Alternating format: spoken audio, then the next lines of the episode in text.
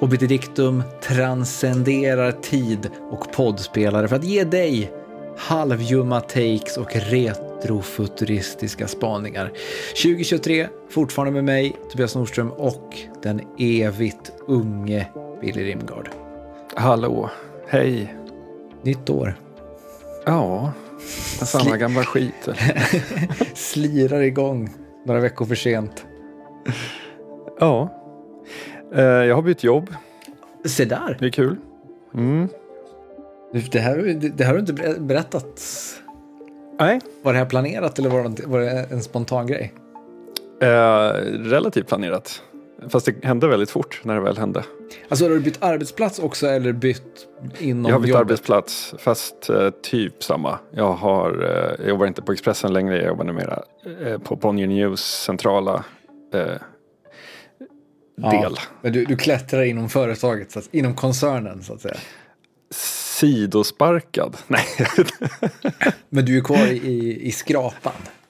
ja, precis. Du finns i huset. Mm, exakt, det är den bästa, den mest korrekta finns i huset. Så det där behöver vi inte lösa nu säger man och sen så duckar man de sista surdegarna. Men apropå nytt år, jag var, fan, jag satt och läste en grej. Um, jag måste ändå säga, det är ändå goals att bli en sån där relik i en institution. Alltså jag tänker, Bonnierskrapan får väl ändå räknas som någon form av institution. Vad heter det? Du vet, du har jobbat på, på Radiohuset. Att bli mm. en sån där, ett sånt där spöke som liksom alla vet vem det är men ingen riktigt vet vad den gör. Tills en dag när bara, men det där kan du fråga Billy om. Det där har han koll på.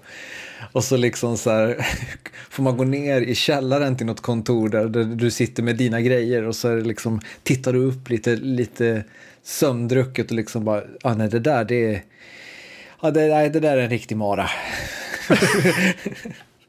Sucka lite. Vi ville sända en gång från Way Out West um, och det ville inte våra chefer för de tyckte det skulle bli för dyrt. Men vi ville absolut sända från Way Out West och ha massa live-grejer live och sånt. Um, så vi gjorde en gerillasändning där vi liksom eh, så här, reporten åkte, åkte ner med en sån här väska man kan sända ifrån och hade en producent med sig och alltså, vi körde på Skeleton Crew liksom. Eh, och jag skulle programleda från Stockholm och eh, vi skulle liksom gå över till Way Out West när de hade något intressant att berätta. Eh, eller när de hade något intressant med sig liksom. Eh, du skulle trampa skulle jag... vatten medan de gick runt så att säga och letade? Exakt, mm. exakt. Och grejen är att jag hade inte programlett svinmycket och jag var helt själv, hade ingen producent eller någonting med mig i Stockholm. Men jag hade en grej, jag hade en ljudtekniker med mig för att det, liksom, det är ändå lite avancerat att eh, etablera kontakt med de här eh, bärbara sändarna och sådana saker. Um, och alltså, vi är tre minuter innan vi ska gå live och vi har ingen kontakt med dem. Och jag sitter där och jag har dessutom en begynnande feber så jag har liksom proppat i mig Alvedon. Och så är jag så här svinnervös och bara, vad ska jag göra nu i tre timmar? Klockan är typ så här 19.30 en lördagkväll. Liksom. Vad ska jag göra i tre timmar om vi inte får kontakt med Iman? Då är det ju kört. Ska, hur ska jag? Hur ska jag? Liksom. Och börja tänka på så här äh, andra planer. Sitta och dra massa festivalskrönor och lira god musik. Önsketimme. Typ. Mm, ja, exakt. Um, men vad som händer är att den ljudteknikern han reser sig och så går han bara iväg. Borta en stund. Kommer tillbaka, ungefär samtidigt som ekot börjar liksom avslutas. Trycker på någon knapp och bara hallå, ja, tjena tjena. Ja. Och sen så bara tecknar han till mig att vi, nu har vi dem med så att det är bara att köra. Och precis då så slår klockan liksom så att det är dags att köra signaturen. Och det blev väl en, det blev en jättemysig sändning. Um, det jag inte bara fattade var hur han, alltså så här, som sagt, det här, jag, var, jag var ju verkligen ute på tunn is. Han var så jävla cool och löste det problemet. Och sen när jag berättade den här eh, storyn eh, veckan på då så var det någon som bara ja ja men alltså han var ju med och gjorde ritningarna för hur man skulle dra kablarna när man byggde radiohuset. så att om det är någon som ska rädda det där så är det ju han. Han gick och liksom sparkade till rätt vad heter det, del av parkettgolvet, parkettgolvet för han visste var glappet sitter typ. Precis, precis. Och det kanske är Jag vet inte om det är ett goal att vara så liksom ihopvuxen med en eh, byggnad. Men jag gillar det, tanken Ja, på det fast jättemycket. det är väl ändå goals att hitta sin plats i livet på något sätt. Även ifall det inte är en plats man älskar. Att bara ha känslan av att det här, är min, det här blev min lott, det här blev min plats, är ju en liksom är ju någon form av behaglig grej att landa i.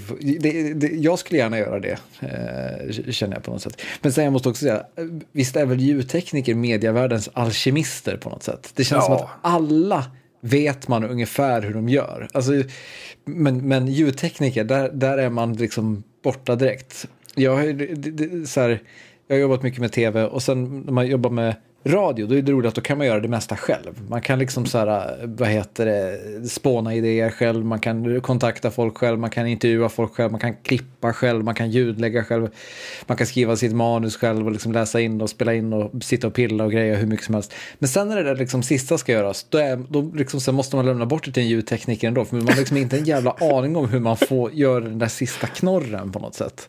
Nej. Och det är ännu värre i tv-världen, för där är det liksom så här, ett tv-kontrollrum är liksom som en avlång skokartong. Och i nio fall av tio då så sitter liksom, vad heter eh, det, den stora delen av gänget sitter liksom i en tre, eller två tredjedelar av den här skokartongen. Och då är det liksom oftast uppdelat så att man har liksom en främre rad och sen en vägg av tv-skärmar med alla kameror och allting. Och på den främre raden sitter liksom skripta, bi, eh, vad heter det, bildproducent och, och några till, ljusproducent och lite sånt. Och de fattar man vad de gör. Skriptan liksom håller koll på tiderna, pratar med sändningsledning och annat. Eh, bildproducenten har en myriad med knappar framför sig som går till varje, varje kamera. Så det är liksom bara trycker på rätt knapp för att rätt bild ska gå ut. Man fattar, jag kan inte göra det själv, men jag fattar vad personen gör. Liksom. Samma sak, ljudtekniken har också rattar, vrider den på en ratt och ökar ljuset där, minskar ljuset där, etc. etc. Um, men sen då i den här sista tredjedelen av, av skokartongen, där går det som en, ofta en glasvägg och sen i den sista tredjedelen då så sitter ljudtekniken. Eh, en av två. En ljudtekniker är alltid inne i studion och en sitter, sitter i det där inglasade rummet. Och det är för att de ska ju höra då, kunna höra liksom ostört, inte höra det här surret som finns i resten av kontrollrummet där man måste kommunicera med varandra. Utan de måste liksom höra sändning, höra alla vad heter, mikrofoner och allting. Eh, och sen de har ju liksom en eh, ja, men två kvadratmeter eh, två kvadratmeter stort mixerbord med oändligt många rattar och man har liksom inte en jävla a- a- aning om vad de gör riktigt eller hur, hur de gör snarare. Och liksom också så här om man ser någonting krånglar då hör man liksom ofta att någon svär lite grann eller något muttrar lite grann och sen försvinner, precis som du säger, försvinner iväg i några sekunder och sen kommer tillbaka så är det åtgärdat. Man har, man har ingen aning om vad det är som har hänt precis men, men jag delar din bild till 100 procent. Jag skulle säga att ljudtekniken och den som liksom sätter ljuset eh, på film. De två är väl de mest unsung heroes. Men ljuset är ändå så här, det är så tydligt på något sätt. Alltså man, man riktar en lampa och så kan man rikta lampan lite annorlunda. Man kan ha flera lampor, olika lampor. Jo, jo, jo men det är en sak om det är så en tv-scen men jag tänker alltså när man gör en film eh, när det ska liksom falla ett ljus över en gränd och rätt saker ska synas och eh, Ja, alltså, absolut, det är en konstform, men jag fattar vad de gör. Just det, när när just en det. ljudtekniker börjar prata om mellanregister och grejer, då har jag inte en aning om vad det är som pågår överhuvudtaget. Visst det, det är ren magi. Ja, det är hemligt på något sätt. Du tog upp det här om nytt år och så vidare. Jag började läsa en grej. Eh, om ett skepp som heter Tamaya 1. Som efter flera veckors radiotystnad spolades upp på en strand i Liberia. En väldigt avlägsen sådan. Ehm, och eh, senare så hittade man eh, livbåtarna från det här skeppet också uppspolade på en strand en bit bort. Eh, och man visste inte vad som hade hänt med besättningen. Och här gick jag igång och tänkte att wow, det här, det här är någonting ändå. Men sen när jag läst lite grann, då så kom jag på jag kom, kom så här osökt, eller inte osökt, utan med, med kanske viss motivering så kom jag på att det fanns en, ett gammalt reportage som hette Killinggänget bryter ihop. Eh, som handlade om när de försökte göra comeback efter ett antal liksom, stora tv-serier. Eh, och i det reportaget så finns, de träffas eh, och försöker få till något, det blir inte bra. Och så finns det här, den här passagen. Det var en kallstartande moppe. Alla tryckte på knappen, men det tog aldrig fyr. Vi malde på, bara för att det skulle vara så. Vi pratade om en mellanchef som hette Björn Kvist. Björn Kvist, säger någon. Han är helgpappa. Björn Kvist on ice, fortsatte någon annan. Och så sitter man där och maler tills någon säger nej, nu skärper vi till oss och då blir det helt tyst. Man bollar lite idéer tills någon säger Björn Kvist och sen börjar om. Och det var lite här någonstans. Jag kände lite samma sak när jag satt och läste om den här jävla båten i Liberia. Att så här, den här redaktionella loopen som vi har pratat om. alltså, bör man ta sig ur från den? Ska man, eller ska man bara acceptera att det här var ens lott i livet och liksom fortsätta? Men jag känner mig lite som, nu skärper vi oss och sen säger man Björnqvist. Men är det inte lite att ens framgångar blir ens fallgropar på något sätt? Alltså, vi gjorde eh, Jatlovpasset först av alla. Och sen så liksom blev det, eh, idag vet alla i Sverige vad Jatlovpasset är. Och jag säger inte att det var vi som såg till att alla i Sverige fick reda på det, men vi var ändå tidiga på bollen eh, i den, den svenska eh, mediasfären när det kommer till Jatlovpasset. Vi var före Aftonbladets plusreportage som kom två dagar efter. Nej, det var två veckor. Det var verkligen så. Det kändes verkligen som att det var någon som hade hört, lyssnat på vårt avsnitt och bara, det här Jatlovpasset, kan man göra något där kanske? Um, men, men det jag menar är att då när man känner att så här, här fanns det någonting. Det är egentligen en livsfarlig känsla just för att det kanske inte fanns något, något där. Eh, men ändå så liksom står man där och bara ser en, ser en ny livbåt ha hittats och börjar Hmm. eh, Ville de att apan skulle dansa, då dansar apan. ja, lite så. Det, men det, det, tror du det, att, att ens framgångar blir ens fallgropar till slut?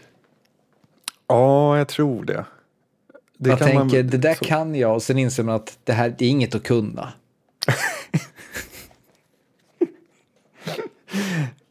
Nej, men sen just också det här att anpassa sig efter vad man tänker också så här.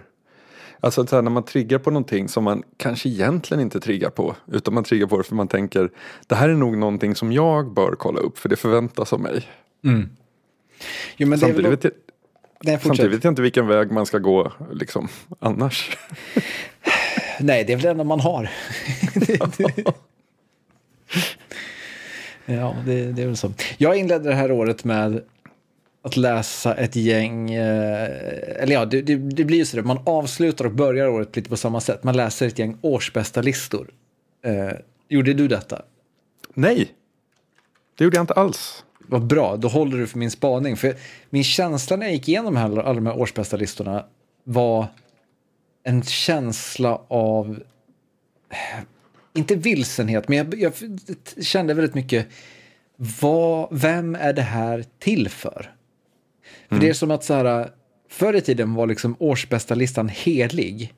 Eh, på ett ganska osunt sätt nästan. Det var, det var liksom, den, den såg som så här, nu, nu sätter vi punkt för det här året. Här är kanon för vad 1993 var. Eh, men nu lever vi liksom i ett tidevarv där dels så är det listor varje vecka. Eh, dels så liksom så här har alla liksom streamingtjänster och allting där vi konsumerar vår media har redan listor överallt. Som är redan specialanpassade för dig. Eh, du får liksom dina wrapped-grejer eh, från varenda jävla tjänst som förklarar det här var det som definierade ditt år och så vidare. Eh, och även då om du skulle vara intresserad av vad som hände det här året så är det liksom ganska irrelevant för att man eh, eh, liksom inte har Alltså året är liksom egentligen inte slut. Eller, det, det, och 2022 sträcker sig till, fram till någon gång mars, april 2023. I och med att det dels är liksom massa filmer och tv-serier och annat som släpar efter. Eh, det dels är liksom massa saker man inte har hunnit konsumera. Eh, det gör att det liksom inte är, spelar någon roll. Alltså jag kan kolla på en årsbästa lista från New York Times filmkritiker eller någonting. Men det spelar ingen roll, för så här, två tredjedelar av filmerna kommer komma att se för mig långt, långt senare. Och då kommer jag ha glömt den där listan. Eh, och det gäller liksom eh, 90 procent av dem som, som, som, som, läser de här grejerna. Så jag funderar på, borde man istället börja göra nu årsbästa listan 2013? Man ligger mm. tio år bak i tiden. Med nyktra ögon kan man liksom så här, se, det här var det som egentligen var värt att vara med på en årsbästa lista 2013. Jag vet inte, jag tycker du är inne och nosar på någon SD-kanon i, den, i, den, i det tankesättet. För jag tycker att popkultur är ju alltid som allra bäst när den sker. Tio är år efter, om man, ja, om man ska ta, ja, tänk så här. Uh, tänk om man uh, ska försöka närma sig liksom... Uh, Blade Runner, var den som bäst när den skedde? Nej, inte just den. Men Ahas Take On Me var förmodligen bäst när den skedde. jo, men, jo det, det, håller jag med Men det är, det är också någonting med att se vad det är som, som liksom klarar av tidens tand.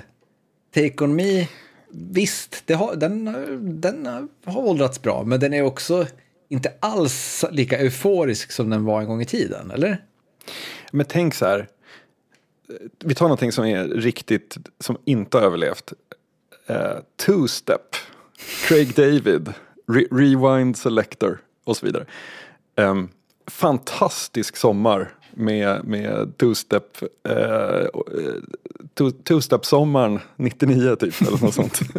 När, den lilla offspringen mellan drum and bass och R&B uh, som bara skedde där och då och var helt fantastisk där och då.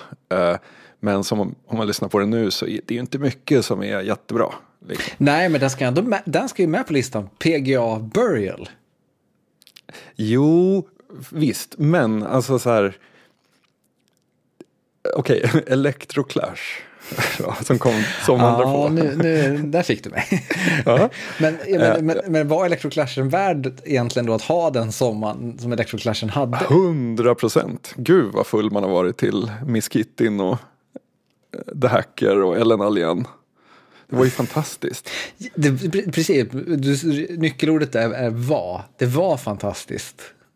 Jo men det är det som är, är popkultur. Det är ju att den, den brinner extremt starkt, extremt kort. Och det, tio år efter så ska den bästa popkulturen inte eh, liksom gå att konsumera. Men det känns som att vi, vi har två listor här då. Vi har, är liksom dels listan på de sakerna som överlevde, men sen har vi också listan på de sakerna som brann inne så att säga. Det, de, de kanske är egentligen ett ännu mer intressant tidsdokument i och med att de, som du säger, verkligen liksom eh, fick, fick, fick, fick, explodera och sen inte finnas, finnas kvar. Fast grejen är att du kan göra den max ett år. För 2013 är väl liksom, det är lite sent men jag skulle säga att 2013 det är väl det sista året kanske där man kan fortfarande prata om någon form av gemensam kulturkonsumtion som gör att det finns någon relevans i att ha listor. Uh, för anledningen till att varför jag inte liksom bryr mig om årsbästa listor det är ju att som du säger, alla har sina personliga listor. Uh, och det ska ju mycket till. Alltså så här, visst, det finns vissa proffs inom vissa områden som man gärna slänger ett öga på som tips för en viss typ av bok man vill läsa eller en viss typ film man vill se eller något sånt där.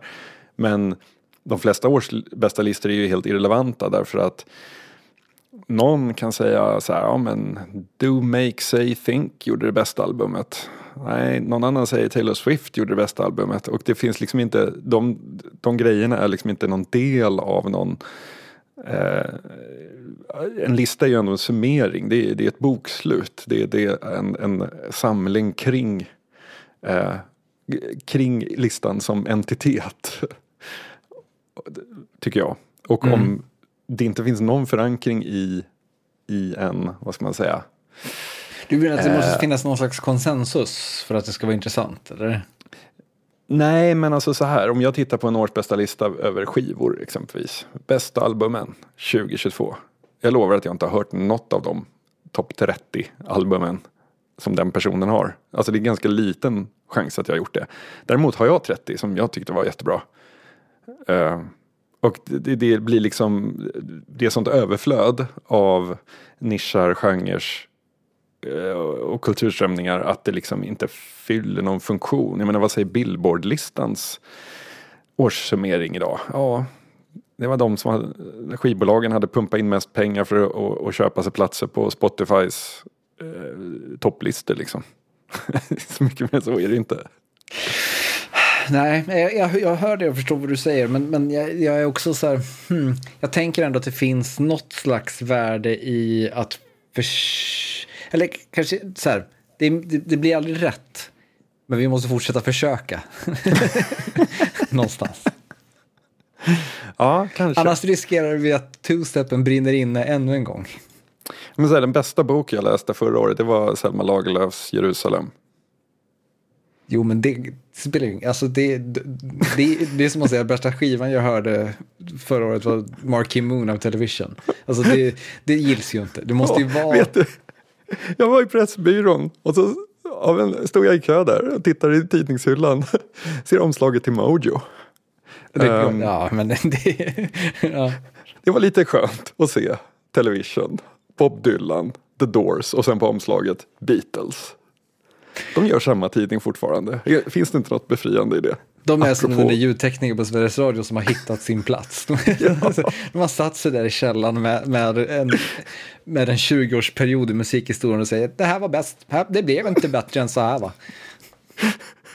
Och så gör de, och så gör de liksom en lis, några listor per år där de liksom ska ha de 150 bästa soulsångerskorna. Eller något. Alltså, Det ska vara liksom en, en lista som är lite smal men som ändå är alldeles, alldeles för lång. Springsteens 100 bästa låtar. Ja, Ranked. Och sen är det ändå så här topp 10, Thunder Road, Jungle. Så kommer de ändå på, på ett här. På sin höjd så bara, "Ah, vi var riktigt djärva, vi satte The River på första plats. Eller det djärva är att de har typ så här Working on a highway eller någon av de där som, som etta. Och bara nu, nu var vi edge. Det här kommer, det här kommer skapa debatt. Ja. Ja. Jag ehm, eh, fick ett sms av Tommy Jönsson eh, i mellandagarna där han sa Har du läst Koryféerna av Lena Andersson? Det hade jag inte gjort. Eh, det började jag göra. Och eh, den handlar ju om Palmemordet. Eh, det är en... Eh, Nu är vi där igen, fallgroparna. Jag tappade väldigt mycket pepp för Palmemordet när du i direktsänd podd avslöjade för mig vad eh, Christer Petersson hade sagt på den här enormt kackiga presskonferensen. Vi fick uppleva pe- Palme mördade ännu en gång. Ja. det var ju det totala antiklimaxet när de pekade ut Skandiamannen. Eh, vilket det naturligtvis inte var, det vet vi ju. Eh, och sen dess har jag typ bara checkat ut från det där. Jag bara okej, men då får de ha sitt roliga. Men eh, om Lena Andersson eh, släpper en eh, bok så är man ju pepp. Och det som är väldigt roligt är att alla de här frågetecknen som är väldigt svåra att placera i ett sammanhang har hon kastat sig an och skrivit en roman om. Och får det att gå ihop ganska bra även om den är, ja den är ju kryddad såklart. Ehm, efter detta så upptäckte jag en eh, bok, nyutgiven bok som heter Tillbaka till Sveavägen. Men förlåt, innan vi lämnar Le- Lena där, vad heter, vad, vilket spår är det liksom som eh, är det primära i boken så att, så att säga? Eh, att eh, eh, väl valda chefer inom myndigheter eh, behöver eh, avsätta en statsminister. Och att det var tänkt att gå till på ett annat sätt.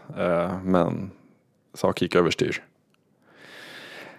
Um, Men eh, sen så hittade jag en till bok som heter Tillbaka till Sveavägen. En person, eh, nu kommer jag inte ihåg vad han heter, eh, journalist. Eh, som har granskat då allt som sades på den här. Ehm, det, det de anför på presskonferensen. Eh, eh, tar han med sig tillbaka till, ehm, till Sveavägen och ser om det går ihop. Vilket inte gör såklart. För det var ju inte Skandiamannen, det vet vi ju. Men jag var inte klar där. Jag läste också Statsministermordet, en ny bok av eh, en av de som satt i granskningskommissionen som eh, granskade ärendet. Vad heter han? Hans eh, Axenberger, Hans-Göran, ja, något sånt där. Jag vet inte, jag är inte så bra på det här med namn. Ehm, men jag var inte klar där, men det hade inte kommit några nya böcker förutom det. Så nu har jag börjat gå tillbaka till källmaterialet. Eh, så att man kan säga att Nej. jag satt, jag satt igenom Inge M's vittnesmål i rättegången mot eh, Christer Pettersson här i, eh, finns på Youtube. Satt jag igenom och förde noggranna anteckningar. eh, så att eh, Har du en bok då eller är det ett doku- textdokument vi pratar om? Eller vad? det är hans band, ljudupptagningen Jo, på... med dina anteckningar menar jag. Ja. Ja, nej, det är ett anteckningsblock. Eh, jag tänker att Palmemordet studeras Se, se bäst till med så penna och papper. så ingen hittar det där med anteckningsblocket. Det är... Eh, så jag, jag trodde inte att jag skulle komma tillbaka dit. Eh, men till skillnad från spökskeppet så kände jag att det här var inte Björnqvist. Det här är ju... det här har ju något. Ja, men, ja, men problemet är ju att som så många andra ger du dig ner i kaninhålet eh, ännu en gång. Du vet, ju- du vet ju att det inte finns ett slut där. Eller? Tänk om man... Tänk om det blir jag. Har du sett filmen Zodiac? Ja.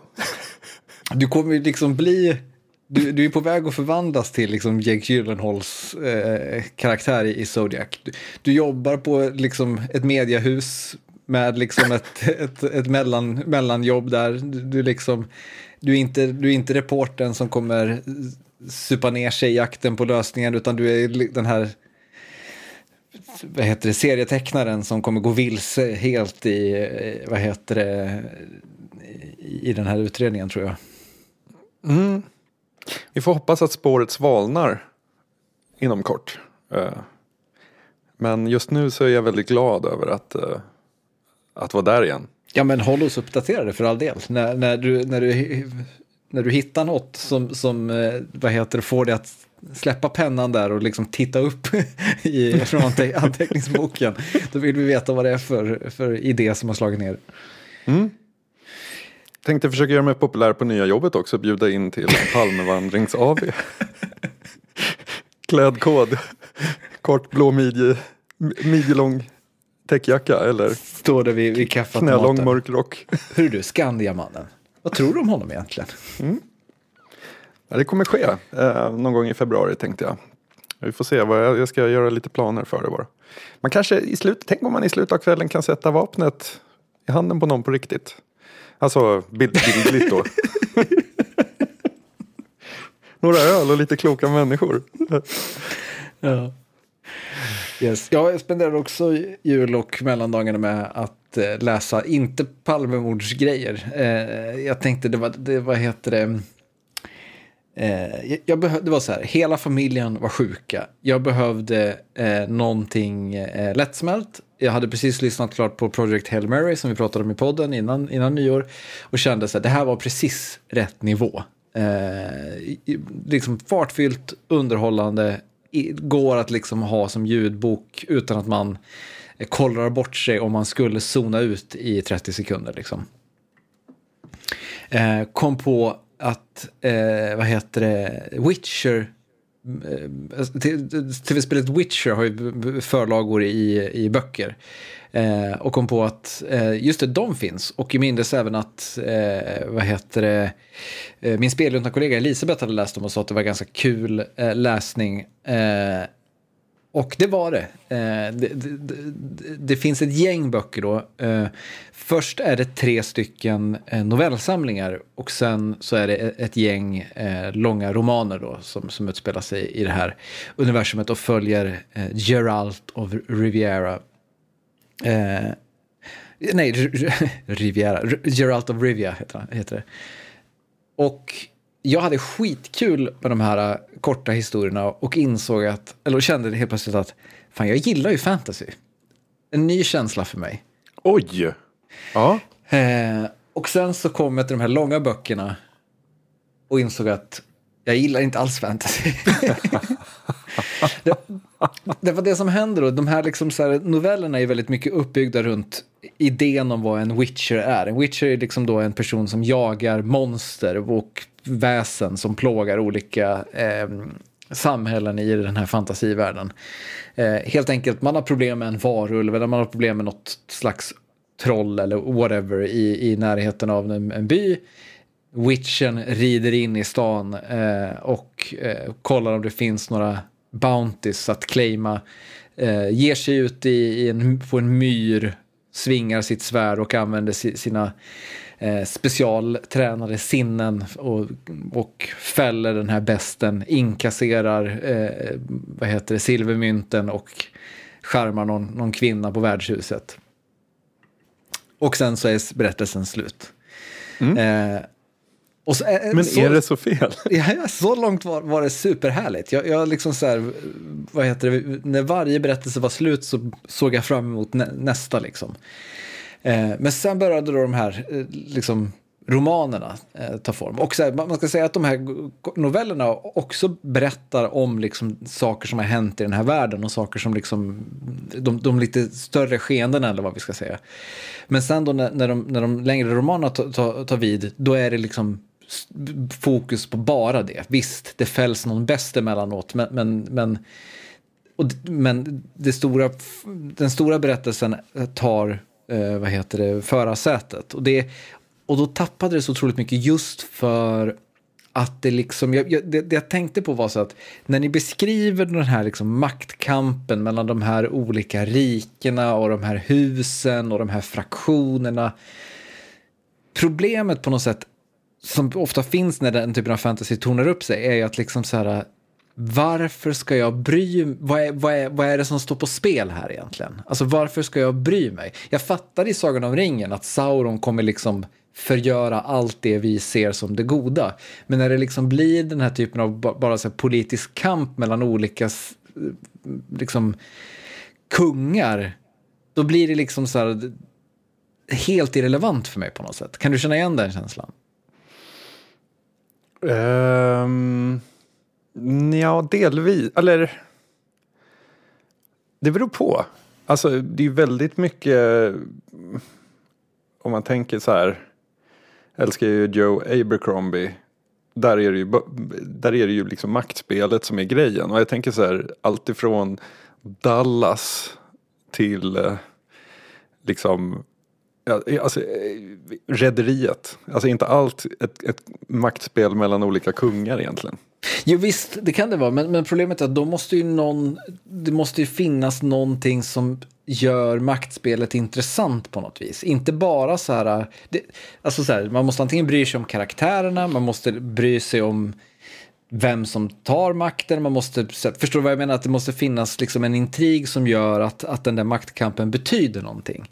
Och mm. problemet i Witcher-serien var eh, liksom jättemycket att eh, liksom huvudpersonerna, man fattar att så här, huvudpersonerna kommer ha betyd, de kommer ha bäring på den här maktkampen längre fram.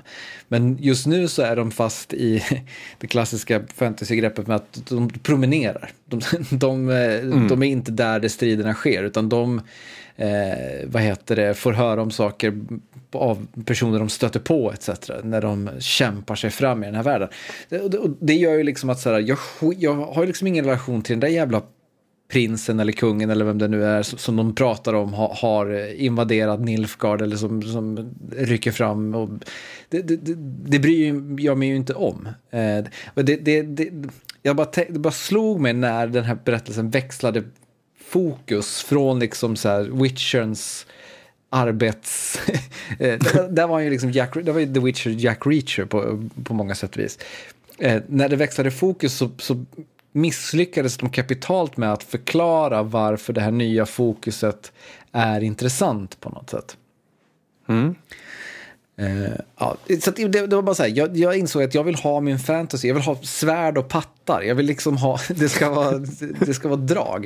Uh, så jag är liksom så här, nu, ett, gör ett ryck nu under, under våren och ska läsa ett gäng fantasy du, du tipsade mig om Joe Abercrombie, jag ska ta, ta mig an en, en trilogi av, av eh, honom tänkte jag och se uh, hur den står sig. Kanske, målet är att när vi når våren 2023 då har jag lärt mig tycka om fantasy. Tror jag kommer lyckas? Det beror kanske på vad du springer på. Alltså jag har ju lärt mig vilken typ av fantasy jag gillar. Uh, ja, det vet ju jag inte jag vad jag... Vad jag eller ja, svärd och pattar då bevisligen. Ja. Men... men jag gillar ju genren som är liksom återkomsten av en gammal Dark Lord.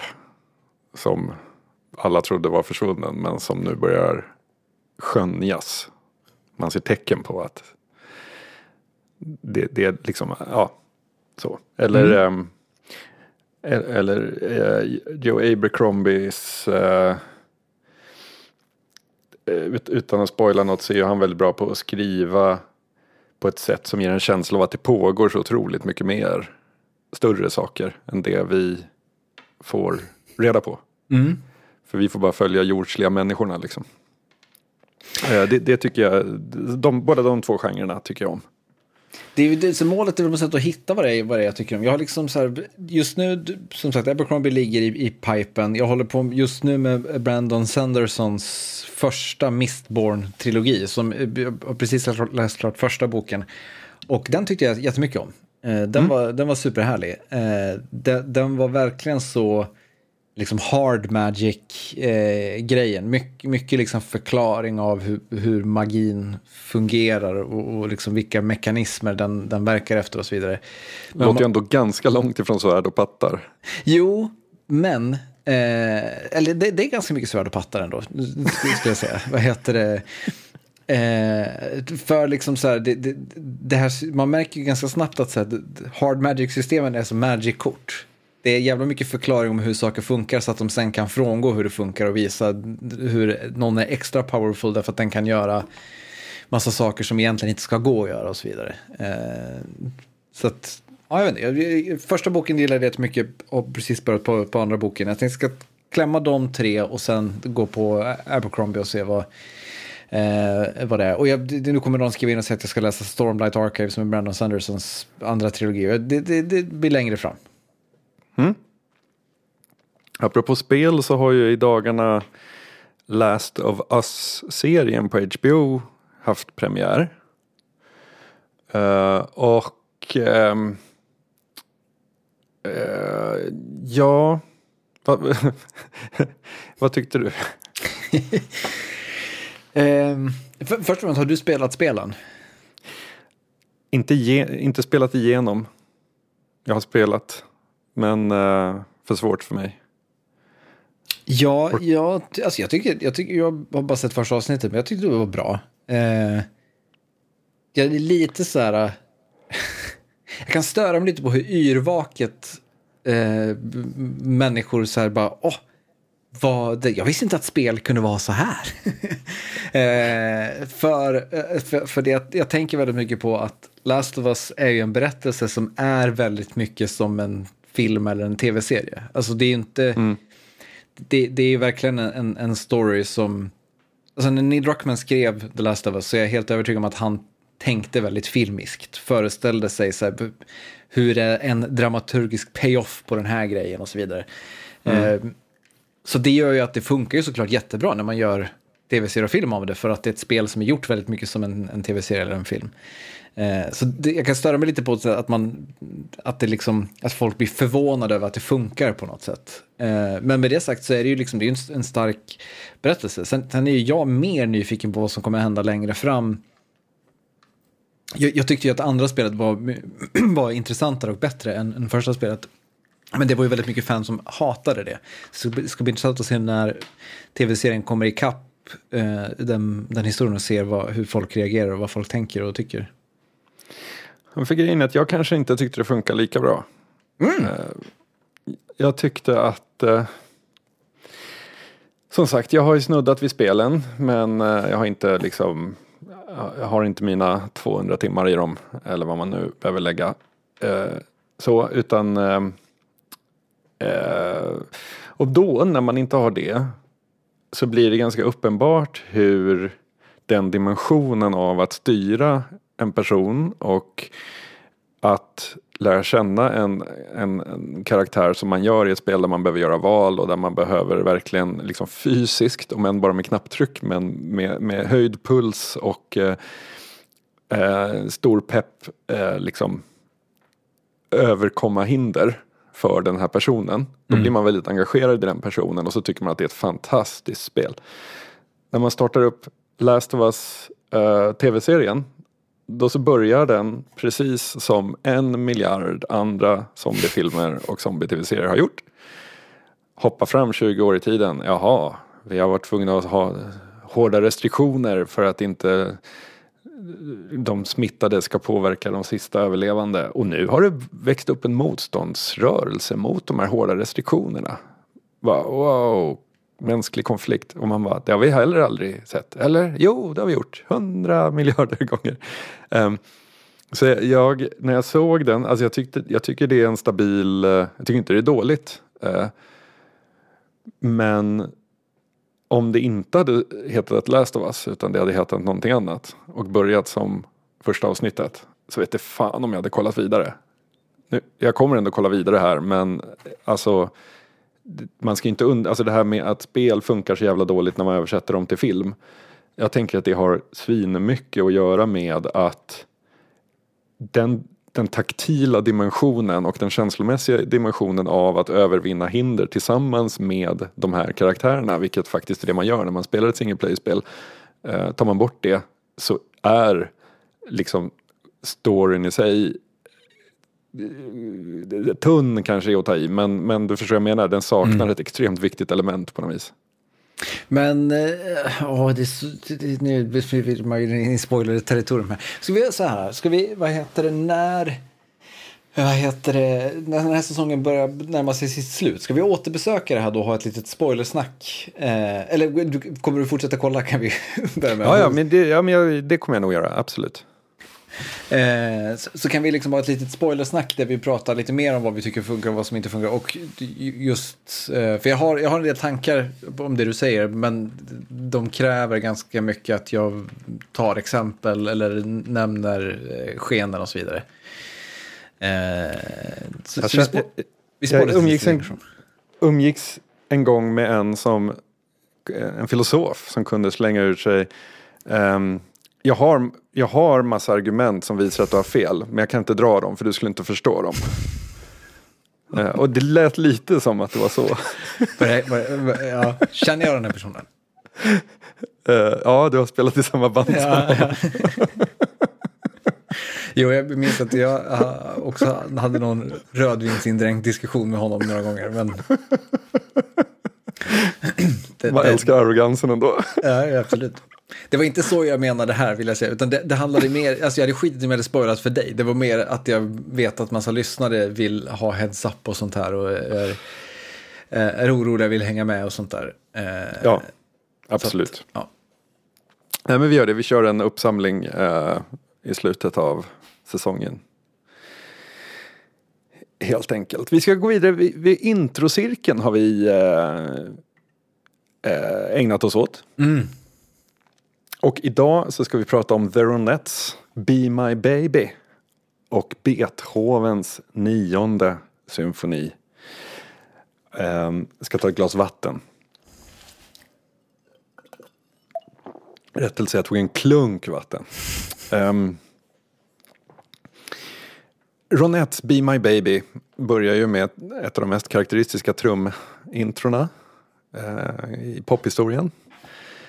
Kan komma högt upp på en Mojo-lista det. Över bästa introna tror Det jag. kan det definitivt göra. Och det har ju någonting. Jag ska, eh, det finns en otroligt märklig gammal intervju med Brian Wilson i Beach Boys. eh, som Andres Lokko gjorde i tidningen Pop. Eh, som intervjun tar sin, eller texten tar sin början när han blir skjutsad av Brian Wilsons fru till flygplatsen. Och så står det så här, hur gick intervjun frågar hon. Ganska bra tror jag. Berättade Brian historien om när han hörde Be My Baby med The Ronettes första gången? Ja. Lång tystnad. Det är en fantastisk historia säger hon. Gillar du Be My Baby? Jag älskar den. Säger Locko då. Är det sant? Säger frun. Jag tål den inte. Varför då? Jag vaknar till den varenda morgon. Det har jag gjort varje dag sedan jag och Brian gifte oss. Han vaknar alltid före mig på morgnarna och plötsligt så hör jag Be My Baby på högsta volym dundra genom huset. Varje morgon. Jag tål inte den här låten. Den kommer driva mig till vansinne. Sen följer en jättemärklig intervju. För Locke hade ljugit där när han sa att det gick bra med intervjun. För att den här intervjun är så konstig. Och han, det, det, är väldigt roligt att han eh, skriver ut texten i liksom eh, att han skriver ut hela texten.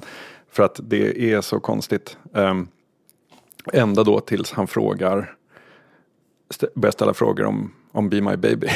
då börjar han prata och prata och prata.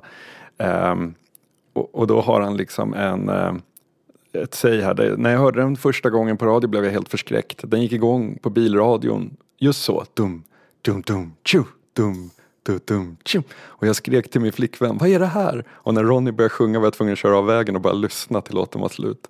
Och sen pratar han om den här låten eh, hela tiden. Och sen så frågar Locko, önskar du ibland att du hade skrivit Be My Baby själv? Varje dag. Det går inte en dag utan att jag tänker Så att Be My Baby drev ju liksom Brian Wilson i Beach Boys mer eller mindre till vansinne. Var det inte lite så här att Brian Wilson var vansinnig? Och sen, ja, ja, jo Eh, det, absolut, hönan och ägget. Men jag gillar ändå tanken på att en sån här två minuters poplåt med ett härligt girlband som The Ronettes eh, liksom kan knäcka en person på det sättet. Det, det finns något i det tycker jag. Ja, alltså det är ju också så här, det, nu är vi tillbaka lite där vi började med eh, det här med se, liksom årsbästa listor och att se tillbaka på någonting som liksom blev formativt eh, eller inte. För det, det, här är ju liksom, det här brann ju inte inne eh, på, på, något sätt. Alltså det här är ju liksom Phil Spectors Wall of Sound nerkokat i en enda låt på något sätt. Jag kommer ihåg eh, något år jag minns inte när, så var Bruce Springsteen keynote speaker på, gud vilket Mojo-avsnitt det här blev. Ja, ja, ja, ja. Mojo. Ja, vi rubriken, Mojo-avsnittet. Ja. Men det handlar ju om att hitta sin plats, det är ju det. ja, men det här är inte min plats, jag är inte bekväm här. Vad heter det, Bruce Springsteen var keynote speaker på South by Southwest. Eh, och pratade då om musik han hade inspirerats av. Det var, var väldigt bra snack, det finns på YouTube att kolla på man Eh, är nyfiken. Eh, han visar bland annat liksom att han studerat allting från The Animals och massa grejer. Men eh, då pratar han om eh, när liksom eh, Phil Spectors sound kom. Och så tar han liksom mikrofonen som, som står vid podiet och så gör han bara Att liksom det var så det lät i, när man liksom satte på en vinylskiva med de här låtarna i liksom sprakig skitljudanläggning hemma hos mamma och pappa. Så kom det liksom, det, det här, just begreppet wall of sound var, var så tydligt att det liksom bara kom en massiv vägg. Och det är ju verkligen så det här introt eh, slår an hela låten också. Sen, sen blir den ganska liksom melodiös och eh, ja, men en riktig så popdänga. Men det är ju väldigt så, eh, egentligen skulle man liksom vilja höra den med sprucken högtalare i en bil eller någonting för, mm. för att få liksom rätta feelingen. För nu är det liksom remastrat i hög bitrate. Det känns inte som att det är liksom rätt sätt att höra det på egentligen. Nej, eller hur? Eller hur, det är inte dess rätta element på något vis. Eh, Nej. Men generellt kan jag också känna så här, förutom själva soundet så kan jag gilla liksom eh, alltså om man tänker sig konceptet introtävling så måste det vara, komma att vara jätte, jättesvårt för de som idag är typ 13, 14, 15.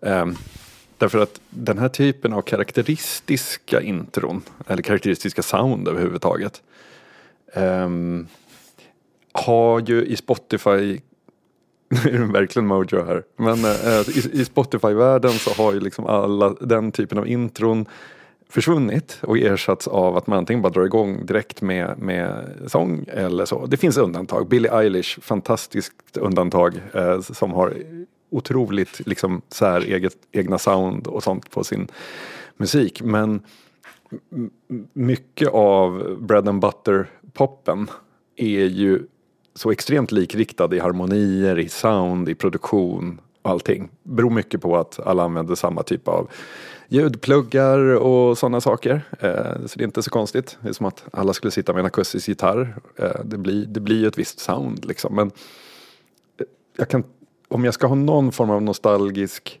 ådra för gammal musik så är det just det här, ehm, det här särpräglade eh, soundet på, på ett intro.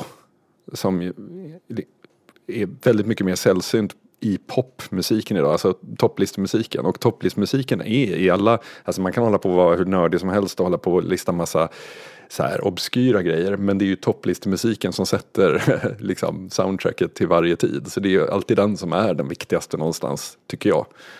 Eh, så. Mm. Jag försöker tänka om jag håller med. För jag vet inte om jag tycker att det är så likt krikt.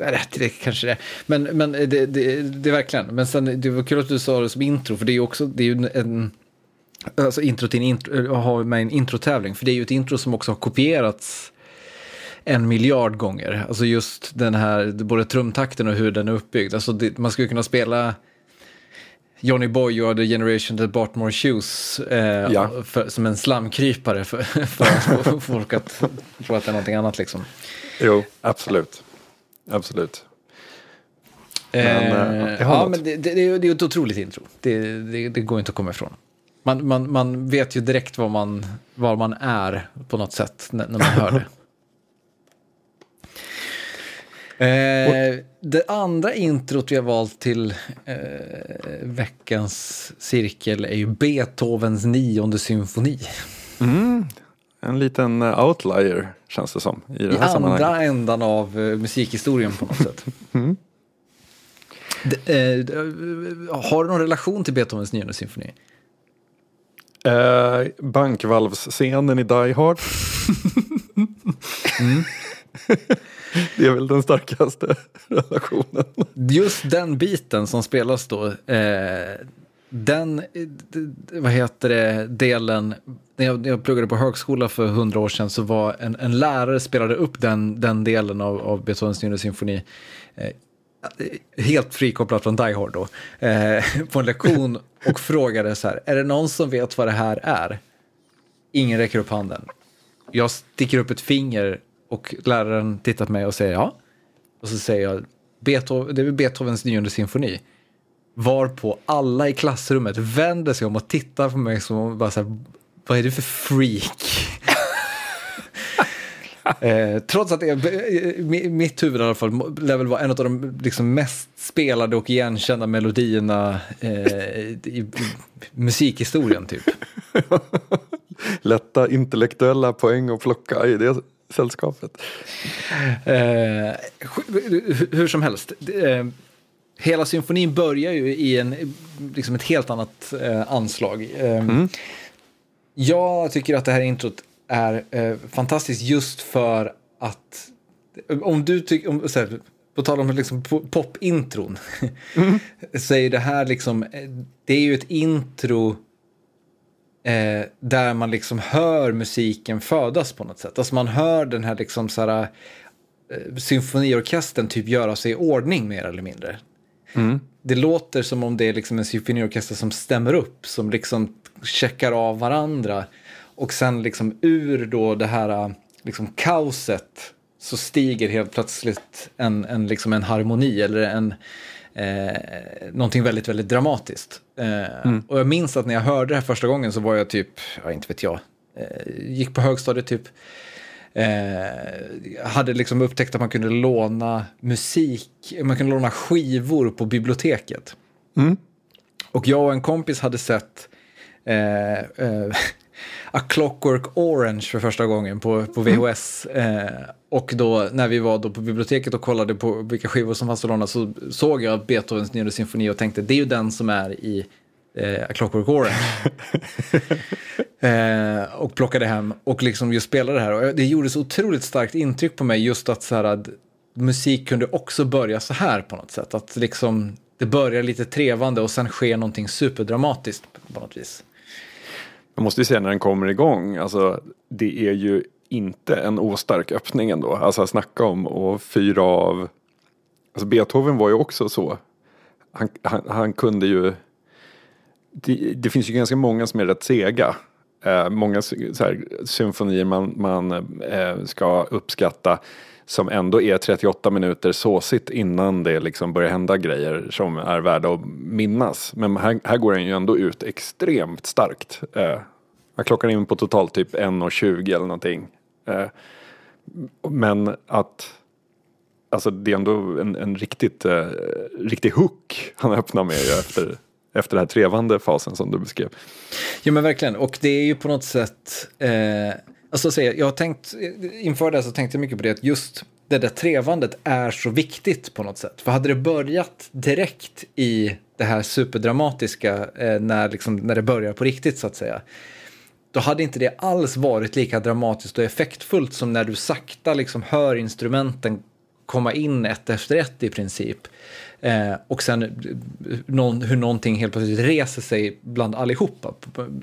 Det, det hade liksom, om, om vi hade gått pang på rödbetan, då hade man liksom inte alls drabbats på samma vis, eh, tror jag. Och det där är ju liksom en, det är liksom som det vi hade för, förra introcirkeln med, in, med öppningen till Children of Men. Hade det inte börjat i det här lågmälda, stå och köpa kaffe och titta på nyhetssändning, då hade liksom den där explosionen inte alls fått samma liksom effekt. Det, när det kommer från ingenstans så blir det liksom mycket den här, den här käftsmällen på något vis. Eh, på samma sätt som liksom Be My Baby, de går pang på käftsmällen på, på ett annat sätt. Mm. Um, vi har fått, jag har fått ett förslag från en lyssnare på ett intro. Mm. Att ta sen till nästa gång. Uh, det är Fritjof som är med i min uh, Magic Commander-grupp. Som tycker att introt till spelet Disco Elysium vore något att prata om. Och då mm. kommer jag att tänka på, du har ju tjatat på mig att jag borde spela det. I flera år nu faktiskt. Ja. och då tänkte jag, här kanske jag kan slå två flugor i en smäll. det var liksom verkligen så här, också så här, först var det så här, ah, det, du liksom var så här, ah, nej jag har ingen dator riktigt som kan spela det. Bara, nej men visst, eh, absolut. Sen kom det till Playstation och bara, nu har det kommit till Playstation. Mm, ja, jo jag ska. Nu, nu har du dator, kvar. Sen, ja. sen, så då har det ju bara Trackmania nu är dessutom hela spelet voiceat. När, när jag spelade det så var liksom en tiondel av spelet voiceat, resten var ba, bara text. Nu, nu kan man liksom luta kan man sig tillbaka det, och lyssna. Men kan man få det som text om man vill? Jag vill gärna ha the OG experience. Vi får se. Det kanske man kan, jag vet inte. Men jag vet inte, du som har spelat det då, vad, hur definierar man introt där? Jag gissar att det är eh, Fritiof far efter... Det är, så här, det är också lite, så här, det är lite subjektivt i och med att det är... Eh, man kan säga så här, spelet börjar i ett hotellrum. Jag skulle säga att introt är slut när man lämnar hotellrummet. Mm. Jag vet inte om Fritiof tycker det, tycker det är godkänt, men, men jag, jag, skulle säga att det är där, där någonstans, eh, och då är man kanske tio minuter in. Eh, och det ju, eh, kan man ju då tänka, om man tittar på de intron vi har gjort förut, är mycket längre. Men det, jag tänker att det är också... Eh, ja. Allt är relativt. Alltså, Precis, allt är relativt. Om, om... Det, det, det, här introt kan också vara tio sekunder om du liksom har spelat spelet förut och vet exakt vad, du, eh, vad som kommer hända och vad kan hoppa över saker och så vidare. Eh. Jag kan klocka hur lång tid det har för mig då, om jag gör mitt bästa.